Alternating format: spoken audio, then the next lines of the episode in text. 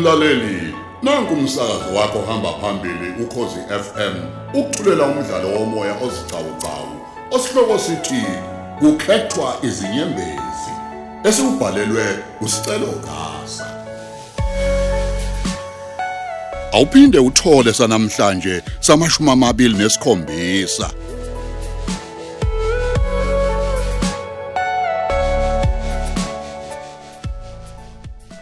Hawuzondi nondaba omkhulu. Ga- Eh, hey hey wena I- ibambe lapho wena sikhohlakani somfazi Aw. Haw, Zondi yini? Uthini kumina? hey man ngikutshela imfihlo ngidakiwe man kuyabe utshela usicela njengoba injalo Hawu nondaba. Ngisuke nami ngaphunyuka. hayi man uphunyuka uphunyukani wominci ukuze ungeke uphunyuke man uyabona manje nginenyakanyaka usongifake kuyona Awu amandaba ngiyaxolisa. umfana wami manje ugcwele amathafa udunyelwa ikhanda ngenxa yakho akazi kufuneka ashone ngalaphi ukuze athole abazali bakhe Hawu ngiyaxolisa Zondi. Kodwa ke singazama ukubhalela lo hlelo laka TV ukhumbule ekhaya. Awuzwe nje. Bangamthola abazali bakhe. Yey u- ungazongicasula wena man ungicasula ngokuphindiwe man Sibhalela uhlalo salo kwenzani Ingane yami lena a- akukho umuntu ozo- o- o- ozofika mana azomthatha esemngaka usicela eyami lengane mandaba Kodwa Zondi kumele naye abathola abazali bakhe. Hayi man angifuni ukuzwa lutho man Usicelo zondi ingane yami iphela lapha ngqi full stop mandaba Demede man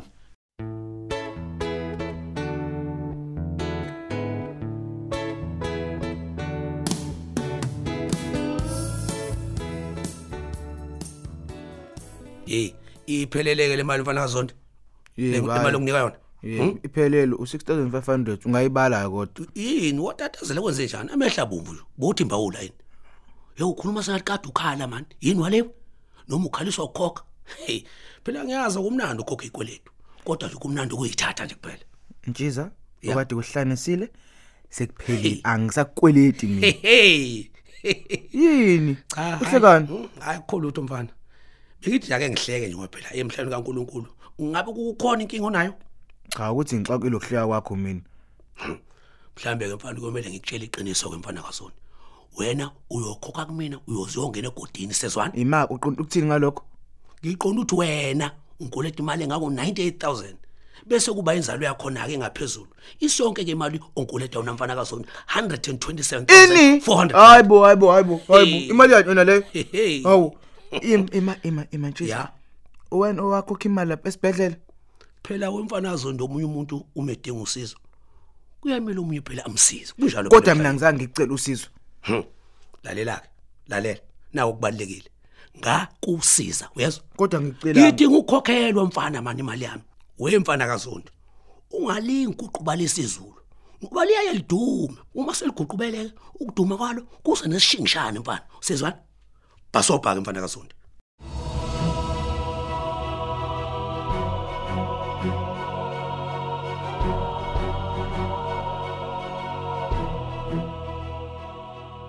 Hayi okuningi sekuqediwe ke manje oh nansi nemoto ya DJ iqeda kufika. we oh kubukeke ngathi kuzoba mnandi kwiphathi yakho mngani wami ye, oh. sesilinde nje ukuthi kufike abantu bese kufika uasset awe ma okay. azoshaya ngemdansi yakhe ekhethelo ayimuhle lo mfana. Oh i think ngiyamthanda nje straight or let me admit ngeke. Ayibuye sis ake siphile nje kancane mnganami. Sizijabulise njena. Ha ngeke phela umuntu usazodlala ukufa. Ake senze nje osenzisise. bo ngiyathanda ke lapho. Wena wonke thandi. Ah, ayibo. usho njalo.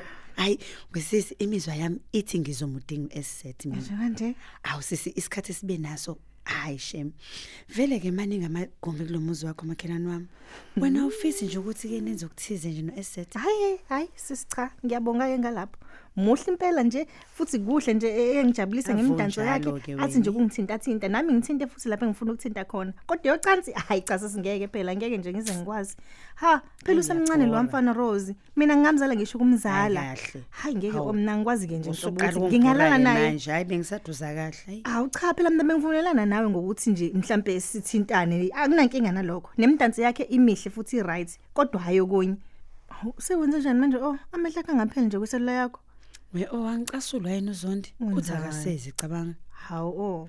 Umfana wakhe usanda kuthola ukuthi akamzali. Unamanga oh. ngiyakutshela. And kade ngamtshela uzondi ukuthi lo mfana wakhe angimuzwa nje egazini.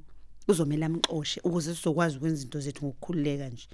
Kanti futhi akuyena ngisho wakhe. Usancengwane ngempela Hayi bukahle wena. Hawu, usuqhatha imndeni phela. Usufuna ukuba nemizi emibili yini manje? vele izinhloso zilapho. Hayibo. Usegugile phela uzonto angafa noma inini. Athefa nje lo wamoza bese ubhale ngami. Kodwa Rose, ngifaka abantu bayaqasha.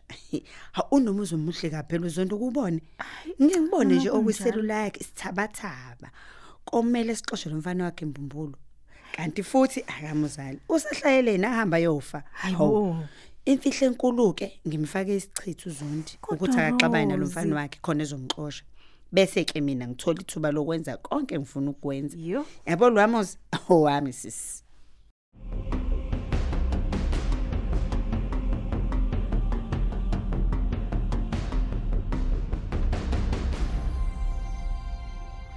Hawu, kwangathi ke nje uphuzile ukubuya namhlanje kukumnganami.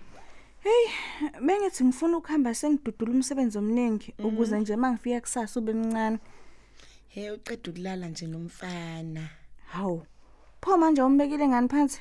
Ungamjwayezi phela ulala ezandleni. Uyofisa kube kanjalo ngaso sonke isikhathi. Hayibo, kanti kunani? Bengithi ngize ngiyamtotosa umfana wami kancane nje pakethi. Hayi suka yazwa vele wakhulumisa ukababa wakhe uGibson. Uthanda kabi nje ukusho kanjalo. Hayibo, babu wakhe. Mm. Mana kukumngani wami. Sanibuyele nene. Hawu. Oh, izolo ubuye eGibson. Kanti gogo umthetho wakho awungilalelanga yini ngesikhathi ngithi mina ungayisondezi nje nabaka oluhle. Hayibo Spatsha. Hayi mhlambe kuzomela sazi ukuthi ubungani bethu buhamba buhambe phambe phelelepi. Awukwazi phela ukungikhethela nokungitshela ngezami zothando. Cha cha cha gogo mngani wami, ungizwe kahle. Bengingaqondile kabi nonuza. Ncethe uma kufike kabi. Ukuthi nje angifuni ukulahlekelwa uwena mngani wami. Ngithembise nje nonuza ukuthi awusoze wangishiya, awusoze wayandawo. Uyohlala la eWhite City njalo njalo ma. Spatsha, ngizokubona ekseni mangabe sengilethi oluhle. Usale kahle.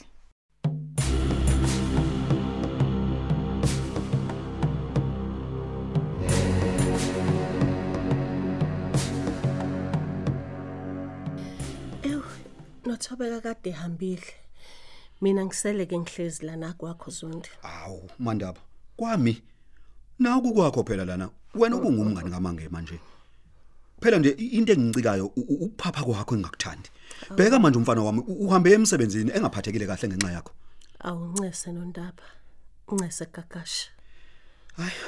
Ulungile mandaba. Uma ngingathi ngidinela wena nje ngabe kufana nokuthi ngidlala ngesikhathi sami. Uyahluleka yini ukungidinela gagasha?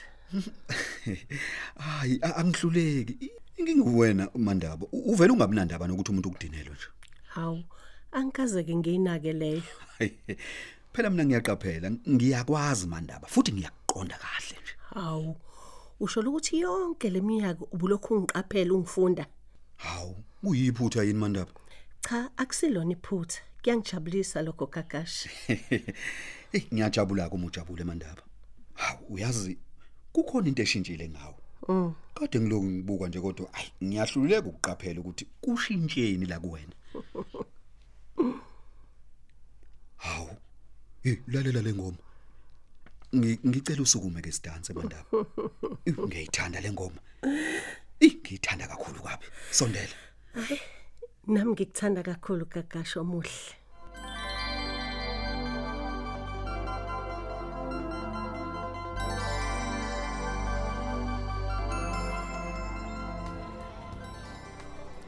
wow esethi uyabona kodwa ukuthi abantu bakujabulele kanjani hey uthando wenza iphathi esezingeni eliphezulu. Yebo, uyabona nabantu kodwa. bakhona nje uyabona la ukuthi hayi baphezulu ngempela yebo shebo ekumnandi uba la eh kwangenzazi ngakhohle inkinga engibhekane nazo. Awu inkinga zani manje? Hayi cha kunokuthi sikhulume ngazo ngekubhora ngcono sikhulume ngokunye.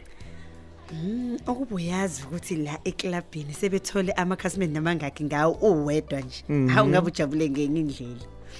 We hayi sobe sikhulumeka uma soqeda ukushutha nabantu bakho. Kambe phela umuntu obuyovele nakomabona kude hayi abantu sebesangene kuwena hayi kulungile. Uzobuhlenga kuphi khona ngizozwa kwena mangiqeda ngila ebalcony. Okwamanje akube ngiyokuthelela isiphuzo we-asset Mm, hayi ngakujabulela kakhulu lokho.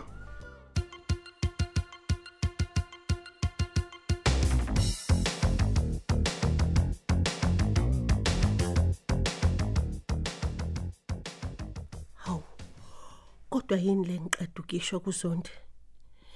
Kwavele kwaphambana ulimi ngasithola nami sengithi ngiyamthanda. Inhlanhla leyo kwaqondana nokuba kukhala iselula yakhe. Wabe sesukuma eqonde ekamelweni lakhe yoyiphendula. Cha. Ngeke kumele ulimi lwami luzama ukuqoqeka, luziphathe kahle. Noma kunganzima kangakanani. Uh, mhlawumbe uzwile nje bakithi. We, into engizoyithini lena? Oh Mandaba, ungixolele kakhulu ngocingo. Kambe u- ubukhuluma uthini kambe? Oh, ubungezwe ngalutho kwebe ngikusho. Iwu eh, ey ngiphazamisekile. Awu. Hayi wena Zondi. Kakashe mina bengingasho lutho. Hawu. Nami nje bengincoma nje ingoma le edlalayo. Oh, hayi ke a- a- akunankinga kuma kunjalo. Eh ngicabanga ukuthi sekumele uye ngasekhaya manje Mandaba ngoba ikusekhhlwile impela manje. Hawu Zondi. Washona ekamelweni yophendula ucingo. Kuyabe usubuya usuyangixosha. Kukhona yini ozayo mhlambe la endlini? Kukhona usumtholile Zondi? Hawu, kwahle bo Mandaba sekwenze njani manje? Ngisho lokhu ngoba nami ngibona ukuthi sekuhlwile manje. Hayi akukho ukutheni. Hayi, kulungile Zondi. Ungenza kanjena? Awungithathe notice wena. Kahle phela Mandaba ngikuphelezele. U- u- Kukhona usikhotheni la ngaphandle.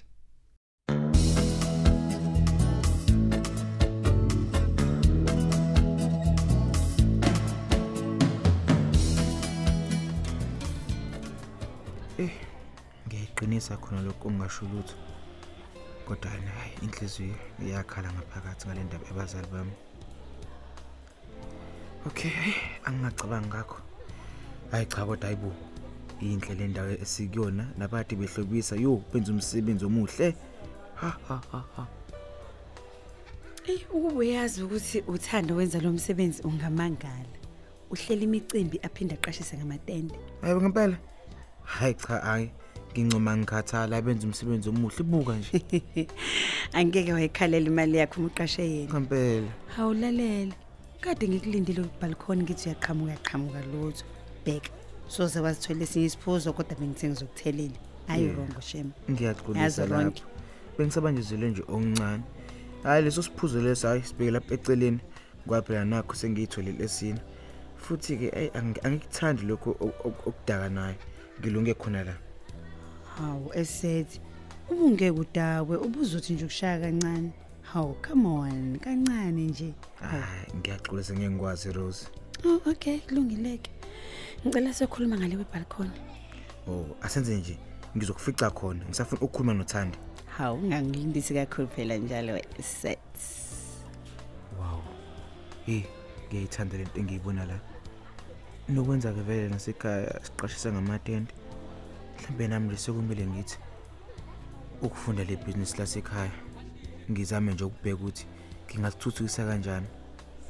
Hey, ngathi ngiyabona inkampani yami enza imicimbi iphinde iqashe ngamatende. Ngithatha impintsha umuthobe ngithi akapheke yena hayi vele phela nebhodi uyashaya. Hayi cha. Kuzomela ngincela ulwazi la kuthande.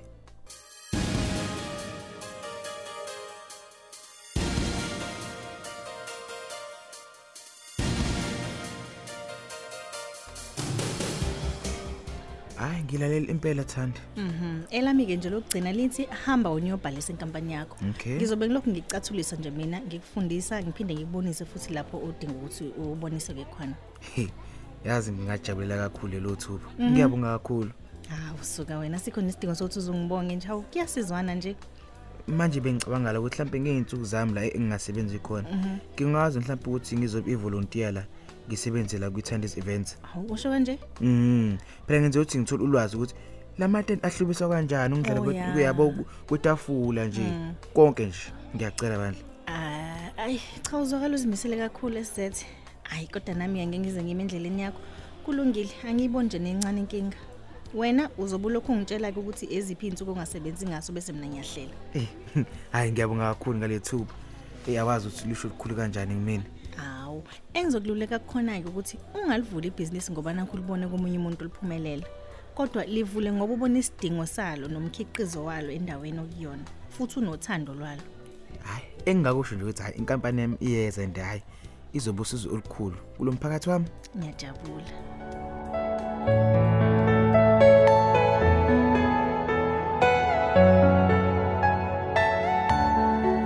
Asisibambe lapha isiqephu sethu sanamhlanje esithi kukhethwa izinyembezi. Osithulelwa ukhozi FM.